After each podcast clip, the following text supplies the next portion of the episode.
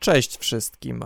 Jak co sobotę po godzinie 18 zaczynamy audycje przemyślane. Z wami Paweł Chrastacz i jak co tydzień skupiamy się na kwestiach, które poruszają zdrowie psychiczne, nasz rozwój, nasze funkcjonowanie i jak zawsze liczę na to, że spędzona z nami godzina przyniesie komuś y, jakąś ulgę albo da potrzebne informacje, bądź zgodnie z nazwą audycji właśnie jakiś materiał do przemyśleń i dzisiaj jestem bardzo zadowolony z tego, że mam przyjemność porozmawiać z przedstawicielką, która na Uniwersytecie Medycznym imienia Piastów Śląskich we Wrocławiu może być w sumie najlepszą osobą do przekazania takiego głosu osób społeczności akademickiej, tych osób, które potrzebują pomocy i zgłaszają się do poradni psychologicznej, która działa przy tej uczelni. Zatem e, witajmy bardzo serdecznie w tej audycji już e, naszą rozmówczynię, Agatę Kołodziejczyk. Cześć, witamy Ciebie w Akademickim Radiu Luz. Witam, bardzo mi miło. Zatem e, może na początek powiedz nam coś więcej o sobie i, i z jakim tutaj wykształceniem, z jaką wiedzą, doświadczeniem jesteś. Jasne. Przede wszystkim jestem psychologiem, jestem psychoterapeutą i w poradni zdrowia psychicznego przy Katedrze i Klinice Psychiatrii właśnie Uniwersytetu Medycznego we Wrocławiu pracuję już y, kilka lat i tam przede wszystkim prowadzę psychoterapię osób dorosłych. Tak jak tutaj wspominałeś, y, mam też pewne doświadczenie związane z, z problemami, które, z którymi borykają się też przedstawiciele właśnie społeczności studenckiej, dlatego że już czwarty rok prowadzę konsultacje psychologiczne właśnie oferowane przez Uniwersytet Medyczny dla studentów studentów naszych wydziałów wspólnie ze studentami zastanawiam się, jaki, jakiego rodzaju pomocy by potrzebowali. Oferuję im takie wsparcie w takich rzeczach, z którymi się zmagają, z którymi się gdzieś borykają. Też przez to mam dość taki unikatowy wgląd w to, co jest najczęstsze, co stanowi zazwyczaj taką, taką największą trudność. E, zwłaszcza, że mam akurat przyjemność obserwować to z obu stron, bo z jednej strony jako właśnie psycholog konsultujący, a z drugiej strony też jako, e, jako mm, wykładowca, tak czy prowadzący ćwiczenia, ponieważ jestem też e, właśnie pracownikiem kliniki i katedry psychiatrii i prowadzę ze studentami zajęcia, więc czasem też obserwuję, co się z nimi dzieje też tak w ramach zajęć. Dlatego jesteśmy bardzo ciekawi, jak z Twojej szerokiej perspektywy wygląda ta kwestia. Czyli mówiąc wprost, masz tutaj taką audycję, która jest skierowana głównie do osób, które są na studiach, świeżo po studiach, niezależnie od tego, kim jesteśmy, jakie mamy konkretne historie, konkretne rozterki. Gdybyś miała zdefiniować jakiś punkt, e, od mhm. którego mogłabyś wyjść, to jak patrzysz na właśnie osoby jak my w tym wieku 20, 25, 30 lat? Jak byś zdefiniowała naszą sytuację. Myślę sobie, że każdy etap rozwojowy tak naprawdę charakteryzuje się no, unikatowymi specyficznymi do, do, do takiego okresu y, też problemami. I myślę sobie, że to jest bardzo widoczne właśnie w trudnościach, z którymi studenci się, się zgłaszają. Tak naprawdę ten przekrój problemów jest, jest niezwykle szeroki. Często y, tak naprawdę, no, ja nigdy odgórnie nie zakładam, z czym taki student się zgłosi. Czasem dostaję pytania, czy problemy, z którymi się zgłaszają, mogą dotyczyć tylko uczelni. Ja zawsze wtedy bardzo uczciwie odpowiadam, że nie, absolutnie nie, dlatego że człowiek człowiek nie, nie ogranicza się, jego doświadczenia nie ograniczają się do jednej sfery, w której funkcjonuje. Powiedziałabym, że trudności, z jakimi można się spotkać, są szerokie, mogą być specyficzne do momentu rozwojowego, jakim jest właśnie na przykład wchodzenie w nowe grupy społeczne, rozpoczynanie y, właśnie pierwsze takie zetknięcie się na przykład z egzaminami, z wymaganiami, jakie uniwersytet stawia przed nami. Y, z drugiej strony to często są też jakieś pierwsze problemy takie właśnie relacyjne, bo też jest to taki specyficzny moment rozwojowy, w którym się mogą pojawiać tego typu problemy mogą się zdarzać właśnie sytuacje, w których e, dochodzi do stosowania takich nieskutecznych metod radzenia sobie ze stresem, który może narastać w związku z przeróżnymi rzeczami, tak jak wspomniałam, nie tylko ze stresem uczelnianym, ale ze stresem generowanym w domu, ze stresem generowanym w pracy, bo przecież też niejednokrotnie studenci właśnie dorabiają po godzinach, więc tak naprawdę przekrój tych problemów jest bardzo, bardzo duży i myślę sobie, że taką zasadą, której ja się rzeczywiście staram trzymać, to jest takie wejście z taką ciekawością, czyli z czym pan, pani dopiero się zgłasza, w czym ja mogę, mogę pomóc, bo, bo tak naprawdę jakbym miała zgadywać przed każdym spotkaniem, to myślę, że nigdy bym nie zgadła w 100%. Z jaką częstotliwością pojawiają się u ciebie osoby? Gdybyś miał powiedzieć w przeciągu dnia, tygodnia działalności w poradni, to, to jak to wygląda? Tutaj zasada jest taka, że y, akurat mam to ogromne szczęście, że od tego roku pomagają mi dwie inne, y, dwie inne psycholożki. Y, właśnie jest to spowodowane też no, wzrostem i zainteresowania i zapotrzebowania na tego typu konsultacje. Ja tak jak wspomniałam, prowadzę te konsultacje czwarty rok, czwarty rok akademicki i powiem zupełnie szczerze, że gdzieś to zapotrzebowanie bardzo, bardzo wzrastało i w miarę upływu czasu ja też prowadzę takie statystyki i widać, jak bardzo wzrasta ilość tych konsultacji. Więc zasada jest taka, że tworzy się grafik na dany miesiąc i tutaj zarówno ja, jak i właśnie w tym od tego roku też pozostałe panie psycholog, określamy właśnie naszą dostępność i studenci naszego uniwersytetu mogą się z nami kontaktować za pomocą maila, e, jakie, jakie terminy są dostępne i, i kiedy mogliby taką konsultację odbyć. Mogę, myślę, zupełnie szczerze i śmiało powiedzieć, że y, no, jeżeli chodzi o częstotliwość otrzymywania przeze mnie maili, bo to akurat ja też tym też troszeczkę kieruję pod takim względem, że po prostu organizuję logistykę tego wszystkiego, tak naprawdę nie ma praktycznie dnia, żebym nie dostała przynajmniej jednego zapytania. A w takich newralgicznych momentach, jak na przykład święta Bożego Narodzenia, czy na przykład zbliżająca się sesja, czy okres zaraz posesyjny, czy początek roku akademickiego, pamiętam, to są takie momenty, kiedy rzeczywiście to zapotrzebowanie bardzo wzrasta i tych zapytań jest dużo więcej. Ja pamiętam w listopadzie minionego roku, czyli w listopadzie 2021 roku, ja w przeciągu jednego tygodnia dostałam, bo pamiętam, że robiłam te statystyki też właśnie po to, żeby uniwersytet się zapoznał z nimi, to ja w przeciągu jednego tygodnia dostałam ponad 40 zapytań. Ciężko jest odpowiedzieć mi na pytanie dokładnie, jak wygląda to konkretnie co tydzień, bo to się oczywiście zmienia. Na przykład w okresie stricte sesyjnym praktycznie nikt się nie kontaktuje, bo studenci są po prostu skupieni na nauce. Natomiast w sekundzie, kiedy sesja mija, nagle po prostu tych zapytań jest dużo, dużo więcej. Więc zmienia się to trochę w zależności od okresu w przeciągu roku akademickiego. Natomiast rzeczywiście, no myślę, że mogę śmiało powiedzieć, że na pewno i myślę otwartość studentów co do korzystania z takich. Um, z takich porad wzrosła, ale też świadomość tego, że w ogóle można z nich korzystać. Tak jak mówię, no w tym roku zapotrzebowanie było tak duże, że już z jednej osoby, która udzielała tych konsultacji, zrobiły się trzy. Chociaż też myślę, że tutaj warto nadmienić, że mówię tutaj tylko i wyłącznie o studentach polskojęzycznych, dlatego że jest jeszcze jeden desygnowany psycholog do prowadzenia konsultacji ze studentami English Division, więc tak naprawdę no byłyśmy we dwie przez te ostatnie trzy lata, a w tym roku jesteśmy już cztery, więc to pokazuje, jak duże zapotrzebowanie się Słuchacie audycji Przemyślane. Dzisiejszą rozmówczynią jest psycholożka i psychoterapeutka poznawczo-behawioralna Agata Kołodziejczyk, która zajmuje się pomocą osobom studiującym na Uniwersytecie Medycznym we Wrocławiu. Dlaczego zgłaszamy się po pomoc? Jakie są powody? Mhm.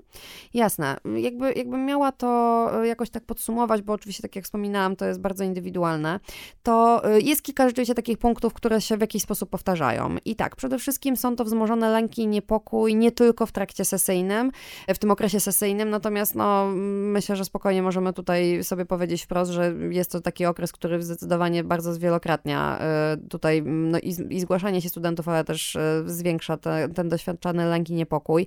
Często to też jest w takim okresie rozpoczynania roku akademickiego, to szczególnie dotyczy pierwszaków, czyli osób z pierwszego roku studiów, którzy no, przechodzą ogromną, to jest ogromna zmiana, przejście z systemu nauczania w liceum do systemu nauczania na uniwersytecie.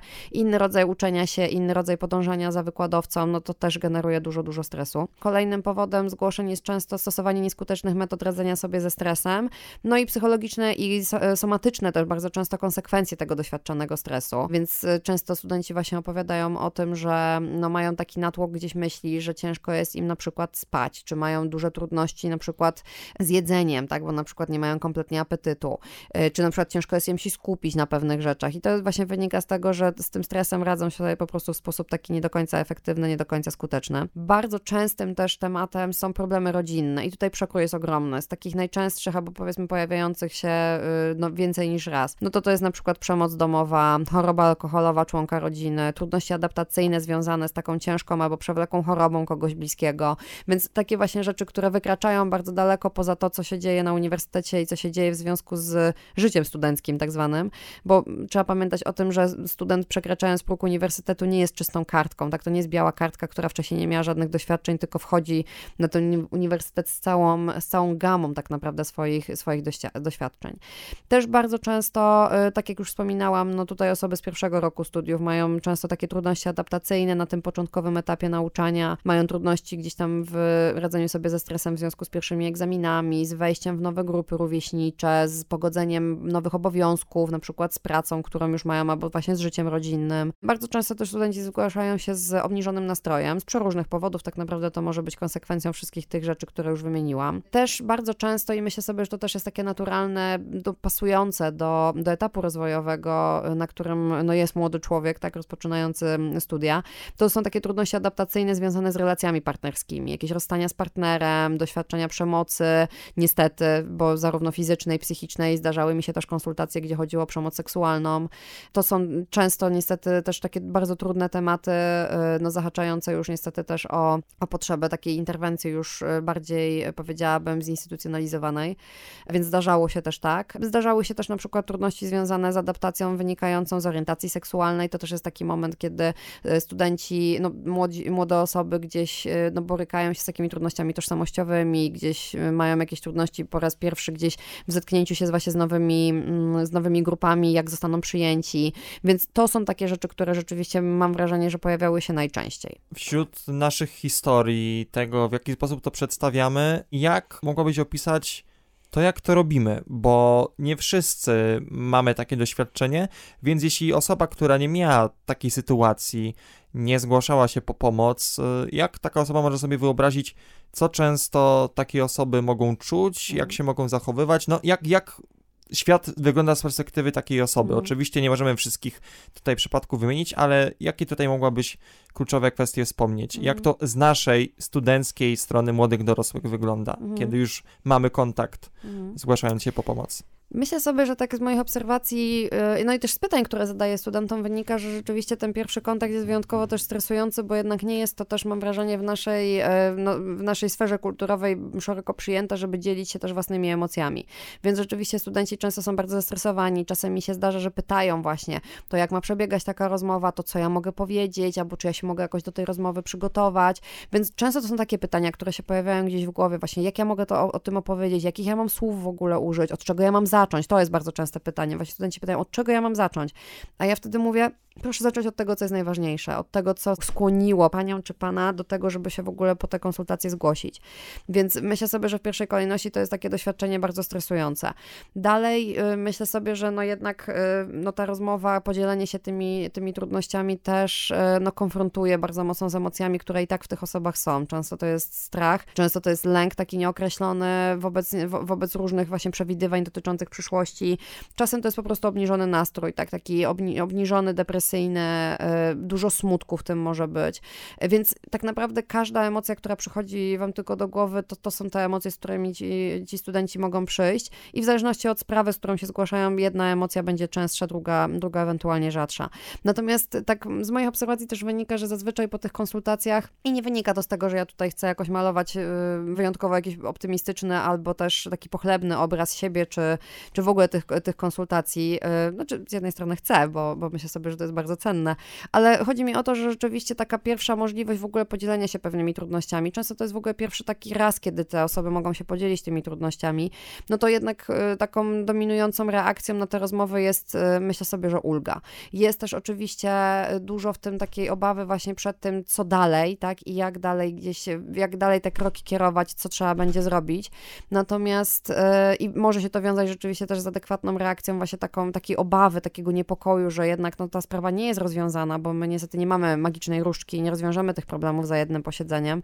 My możemy ewentualnie wskazać też, gdzie taki problem należałoby zgłosić, gdzie można by kontynuować tą opiekę, więc czasem jest dużo w tym też takiego niepokoju, co dalej, ale też jest dużo w tym właśnie takiej ulgi, że nagle była ta pierwsza, ten pierwszy kontakt, ta pierwsza możliwość podzielenia się, powiedzenia na głos o rzeczach, które, które są dla tej osoby trudne i takie spotkanie człowieka, który tego wysłuchał, który właśnie uważnił pewne emocje, który zrozumiał to w takim sensie, że powiedział, tak, ja rozumiem, że to może być ciężkie, bo nie będzie to spotkanie jeden do jednego w takim sensie, że ta osoba po drugiej stronie, że rozumie dokładnie, co przez to ta osoba przechodzi, bo też nie na tym polega praca psychologa, ale chodzi o takie poczucie zrozumienia, że ktoś mnie wysłuchał. I myślę sobie, że to jest dla tych studentów bardzo, bardzo ważne, więc dziś te emocje się zmieniają, tak, od takiego niepokoju, takiego stresu właśnie od czego zacząć, po takie, no, trudne przeżycie emocji, z którymi się konfrontują, kiedy opowiadają o sednie swojego problemu, po taką ulgę, że właśnie zostali wysłuchani i gdzieś Kontynuujemy audycje przemyślane na temat zdrowia psychicznego i form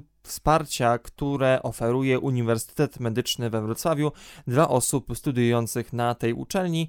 Wyjaśnia to nam jedna z osób, która prowadzi pomoc na uczelni, Agata Kołodziejczyk, psycholożka, psychoterapeutka poznawczo-behawioralna. Czy w rozmowach z tymi osobami możesz wyłapać jakieś rzeczy, które mogą się przydać nam, kolegom, koleżankom takich osób, jeśli to jest e, nasz dobry znajomy, znajoma, mm. przyjaciel, przyjaciółka, ktoś nieważne, mniej, bardziej bliski, no, po, no powiedzmy wokół tych studiów, tak, tak dla mm. uproszczenia.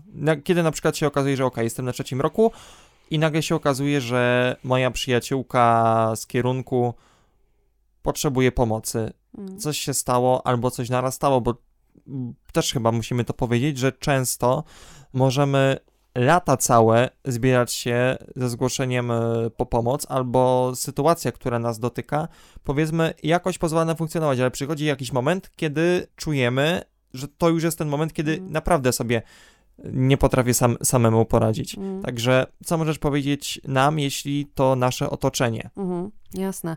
Znaczy tak myślę sobie, że przede wszystkim e, no dobrze jest na pewno obserwować i wyłapywać pewne zmiany na przykład w zachowaniu naszych, naszych bliskich, tak, kolegów, koleżanek.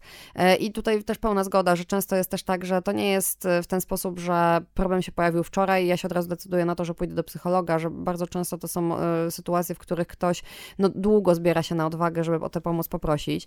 Też myślę sobie, że przede wszystkim nie należy namawiać na siłę i, i powiem to, co zazwyczaj mówię też osobom w ogóle wspierającym, osoby chorujące. Pytajcie, jak możecie pomóc. Nie nagabujcie może tych osób właśnie, że trzeba zrobić tak, a trzeba tak, a dowiedziałem się, że jest konsultacja psychologiczna możliwa na uniwersytecie, koniecznie z niej skorzystaj. Bardziej sugerowałabym właśnie w takim tonie, jak ci mogę pomóc, widzę, że coś się dzieje, chcę pomóc, co mogę zrobić, czego w tej chwili potrzebujesz?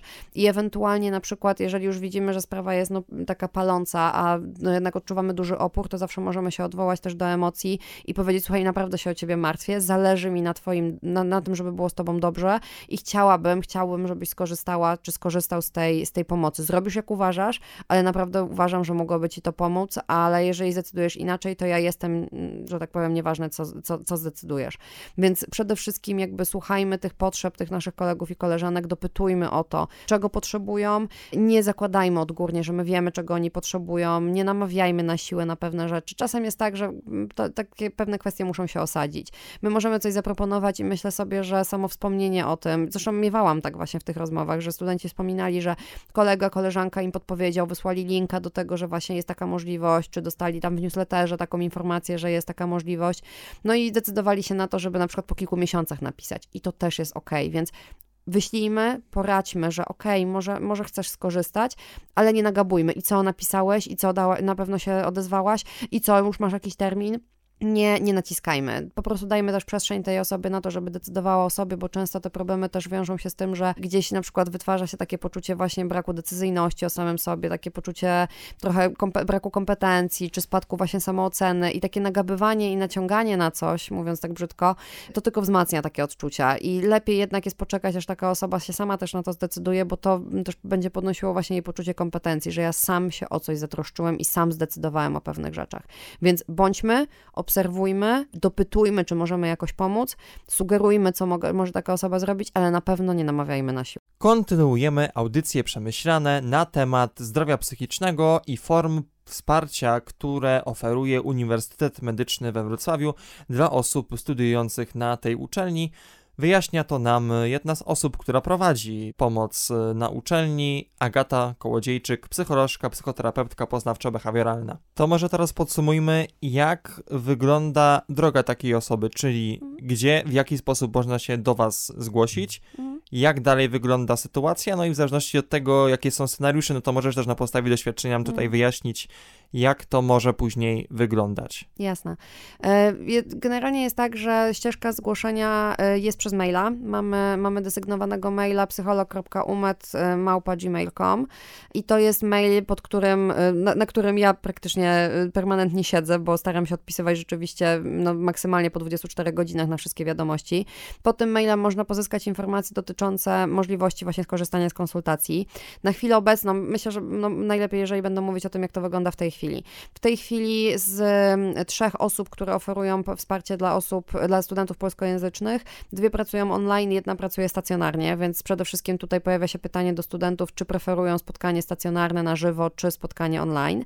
I kiedy y, ocenią, właśnie kiedy określą się co do swoich preferencji, ja proponuję um, dostępne terminy. Tak jak mówiłam, my staramy się prowadzić takie grafiki mm, co miesiąc, czyli każda z nas wyznacza sobie te terminy, w których może, może studentów przyjąć i ja wtedy po prostu jakby logistycznie umawiam e, te, te wizyty, przekazuję studentom właśnie, czy jeżeli online, no to za pomocą którego programu, jeśli na, na żywo, tak stacjonarnie, to przekazuję dokładnie, gdzie się odbywają te konsultacje.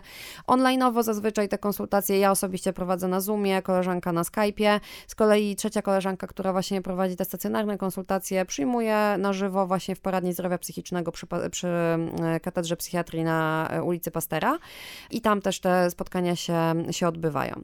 I zasadnicza rola tych spotkań jest taka, żeby właśnie po pierwsze oczywiście udzielić wsparcia, ale też określić wspólnie z, z pacjentem, no, niekoniecznie z pacjentem, ze studentem, e, żeby określić z tym studentem właśnie na czym polega problem i też do naszych zadań należy na pewno to, żeby no, wyznaczyć pewien kierunek, pewną ścieżkę tego, gdzie takie, takie wsparcie można otrzymać.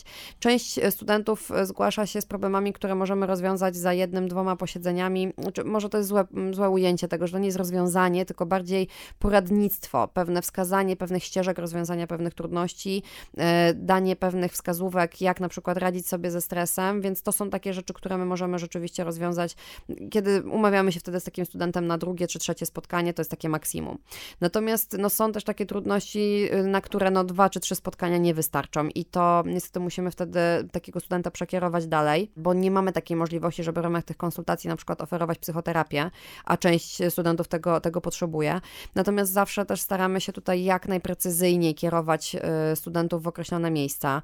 Ja na przykład mam taką zasadę, że jeżeli wspólnie ze studentem studentem uzgadniam, że rzeczywiście psychoterapia taka długoterminowa, czy nawet krótkoterminowa, ale nawet krótkoterminowa to jest 12-15 spotkań.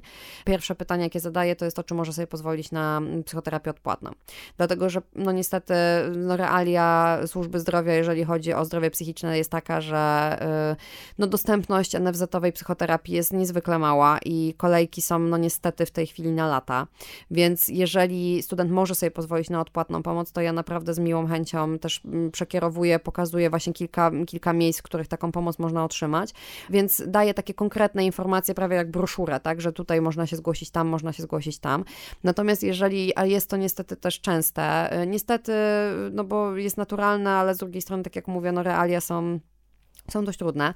E, no ale jeżeli student nie może sobie pozwolić na odpłatną psychoterapię, to ja mam taką możliwość, czy znaczy każda z nas ma taką możliwość, żeby zapisać takiego studenta na listę oczekujących właśnie do poradni zdrowia psychicznego u nas na Pastera. I wtedy taka osoba trafia na listę oczekujących. My się staramy też w miarę możliwości prowadzić taką listę równoległą, żeby było też wiadomo, że to są właśnie z tych konsultacji studenckich, bo staramy się też opiekować się naszymi, naszymi e, studentami.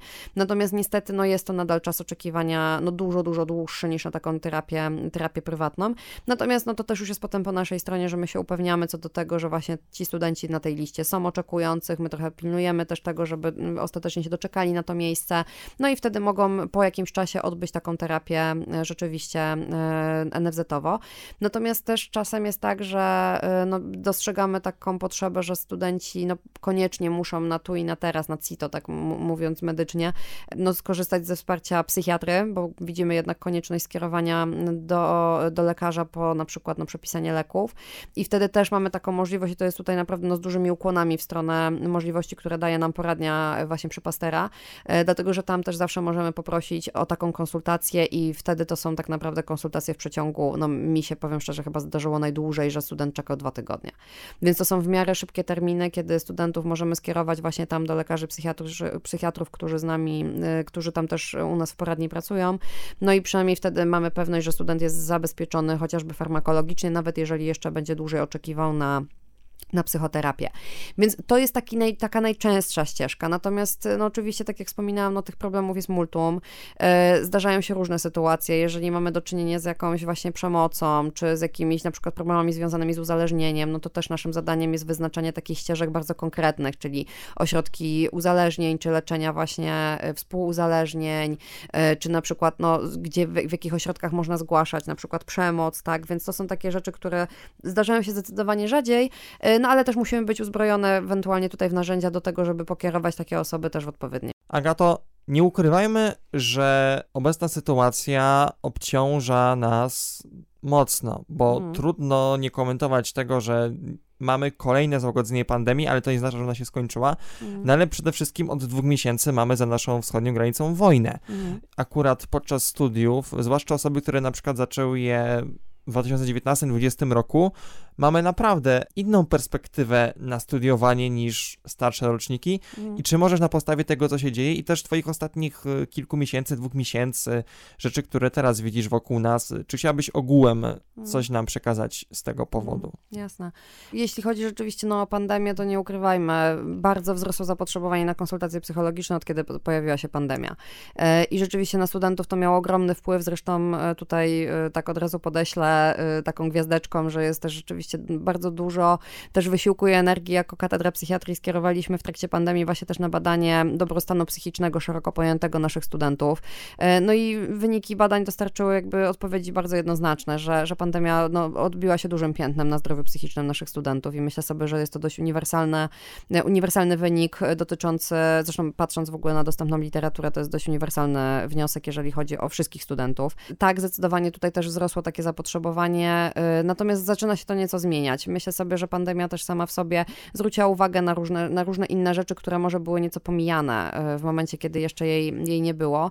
E, Stało się bardziej, e, nie wiem, cenne to, że można się było poprzyglądać właśnie relacjom chociażby z naszymi bliskimi, z którymi nagle zostaliśmy zamknięci tak w czterech ścianach i, i gdzieś nie było ucieczki od tego, żeby się mierzyć z niektórymi trudnościami. Więc tak, to zdecydowanie gdzieś podniosło to zapotrzebowanie i wielu studentów też w związku z tym się zgłaszało. Natomiast no, jeśli chodzi o no, tą ostatnią sytuację, tą taką najświeższą, rzeczywiście związaną z wojną w Ukrainie, no to tutaj e, jakby podjęliśmy też jako Katedra Psychiatrii też e, określone kroki do tego, żeby no, mm, stworzyć taki kanał pomocy specjalnie zaprojektowany dla studentów, bo mamy ich bardzo dużo y, dla studentów z Ukrainy. I zostały zaproponowane odrębne też terminy takich konsultacji, na które się zgłaszają rzeczywiście studenci z Ukrainy, którzy borykają się z takimi trudnościami jak to, że na przykład na Ukrainie jest ktoś z ich bliskich, tak, niepokoją się o życie, zdrowie, o dobrobyt tak naprawdę swoich, swoich bliskich, nie wiedzą co tam się z nimi dzieje, Y, więc zostały otwarte właśnie możliwość takich konsultacji, podobnie tak jak prowadzimy je dotychczas, ale też są odrębne terminy właśnie dla tych studentów. No i tak samo y, razem z zespołem Katedry Psychiatrii y, tutaj zostały otwarte takie możliwości tworzenia grup wsparcia i też, też jest taka, taka możliwość, więc jeżeli studenci właśnie będący obywatelami ukraińskimi też chcieliby skorzystać z takiej, z takiej pomocy, z takiej formy pomocy, to jest jak najbardziej taka, taka możliwość, bo rzeczywiście odbija się to, to szerokim piętnem. Z mojej, z mojej perspektywy rzeczywiście bardziej to dotyka osób, które są bezpośrednio z tą Ukrainą związane, w nieco mniejszym stopniu, ale to nie znaczy, że w żadnym y, dotyka to y, studentów y, z Polski, którzy jednak też no, doświadczają dużego wzmożonego lęku, tak, o to, jak będzie wyglądała ta przyszłość, że jednak gdzieś no, bliskość tej wojny sprawia, że tych reakcji takich stresowo-szokowych jest sporo. No i rzeczywiście gdzieś staje się to częstym przedmiotem też, też tych konsultacji. Natomiast wchodzi to tak naprawdę w y, ten obszar właśnie pomocy związanej z radzeniem sobie ze stresem, z radzeniem sobie właśnie z nastrojem takim lękowym, więc tutaj też to zabezpieczamy. Nie ukrywam, że rzeczywiście no, w związku z tym, co dzieje się na świecie, gdzieś ten problem też, e, te, też po prostu wychodzi. Zaraz przejdziemy do podsumowania rozmowy. Zostańcie z audycją Przemyślane. Zatem podsumowując tę rozmowę, co mogłabyś powiedzieć zarówno nam wszystkim, jak i osobom, które aktualnie korzystają ze wsparcia, już niezależnie jakiego rodzaju? Co byś miała nam do przekazania na podsumowanie? Żebyście się, żebyśmy my się, bo myślę sobie, że to dość uniwersalne dla wszystkich, żebyśmy się nie obawiali, tak, tego, żeby korzystać z tej pomocy, żebyśmy chcieli skorzystać z tej pomocy. Nie na siłę, e, nie z musu, tak, ale żebyśmy byli otwarci na to, że ta pomoc może rzeczywiście nam e, no, być dla nas cenna, że może wyjść coś korzystnego z tego, że gdzieś e, takie podzielenie się właśnie pewnymi takimi swoimi trudnościami może przynieść sporo ulgi, albo też właśnie wskazać ścieżkę tego, jak się tym, jak się tym zaopiekować. Więc przede wszystkim po prostu korzystajmy z tego, miejmy tą świadomość tego, że taka pomoc jest oferowana.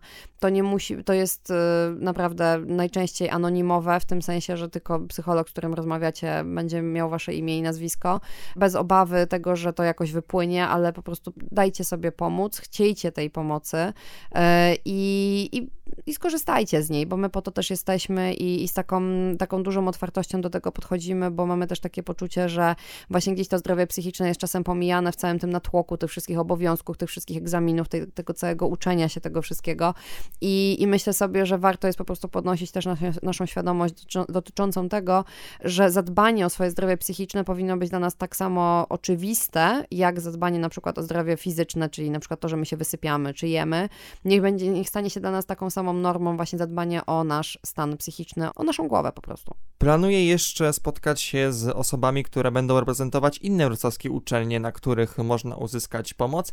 Dlatego dzisiaj bardzo dziękuję w imieniu własnym i Was, y, słuchających nas osób, y, psycholożce, psychoterapeutce poznawczo-behawioralnej Agacie Kołodziejczyk, ale pamiętajmy też o tym, że ukończyłaś studia podyplomowe z psychoonkologii i pracujesz także w Dolnośląskim Centrum Onkologii.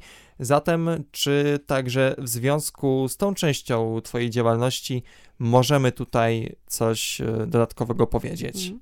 No, myślę sobie, że tutaj będzie trochę więcej wypowiedzi dotyczących samego wsparcia też pacjentów, komunikacji z pacjentami, dlatego że razem z e, IFMSA oddziałem e, wrocławskim, czyli takim Stowarzyszeniem Studentów Medycyny, będziemy tutaj też nagrywać takie krótkie no, komentarze, tak, czy bardziej moje monologi dotyczące tego, jak takimi pacjentami się opiekować, więc myślę sobie, że też, też ciekawy temat, tutaj trochę odejście od tego zdrowia psychicznego studentów na rzecz zdrowia psychicznego pacjentów y, i skierowania takich kilku krótkich, ale myślę, że cennych uwag do lekarzy prowadzących, y, żeby mm, tą komunikację uskuteczniać w taki sposób efektywny i, i rzeczywiście jak, jak najlepszy dla obopólnej korzyści. Także tutaj w tym kierunku też na pewno będziemy szli i zachęcamy też do wysłuchania tego w takim razie. Tak, a ja oczywiście zadbam o to, aby kwestie edukacyjne i profilaktyka również pojawiały się na naszej antenie, tym bardziej, że w sumie wybieram się na uni Uniwersytet Medyczny, więc tym bardziej z przyjemnością będę starał się o to, aby tego typu treści pojawiały się na antenie akademickiego Radia Luz bardzo często,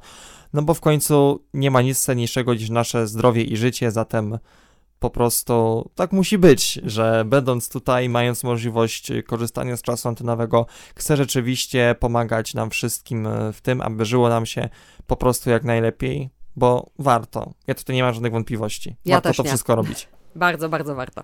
Zatem jeszcze raz podziękujmy naszej dzisiejszej rozmówczyni Agacie Kołodziejczyk i zapraszamy na kolejne równie ważne, równie wspierające rozmowy w audycji Przemyślane, jak co tydzień o 18 za dzisiejszą audycję, za godzinę spędzoną z nami.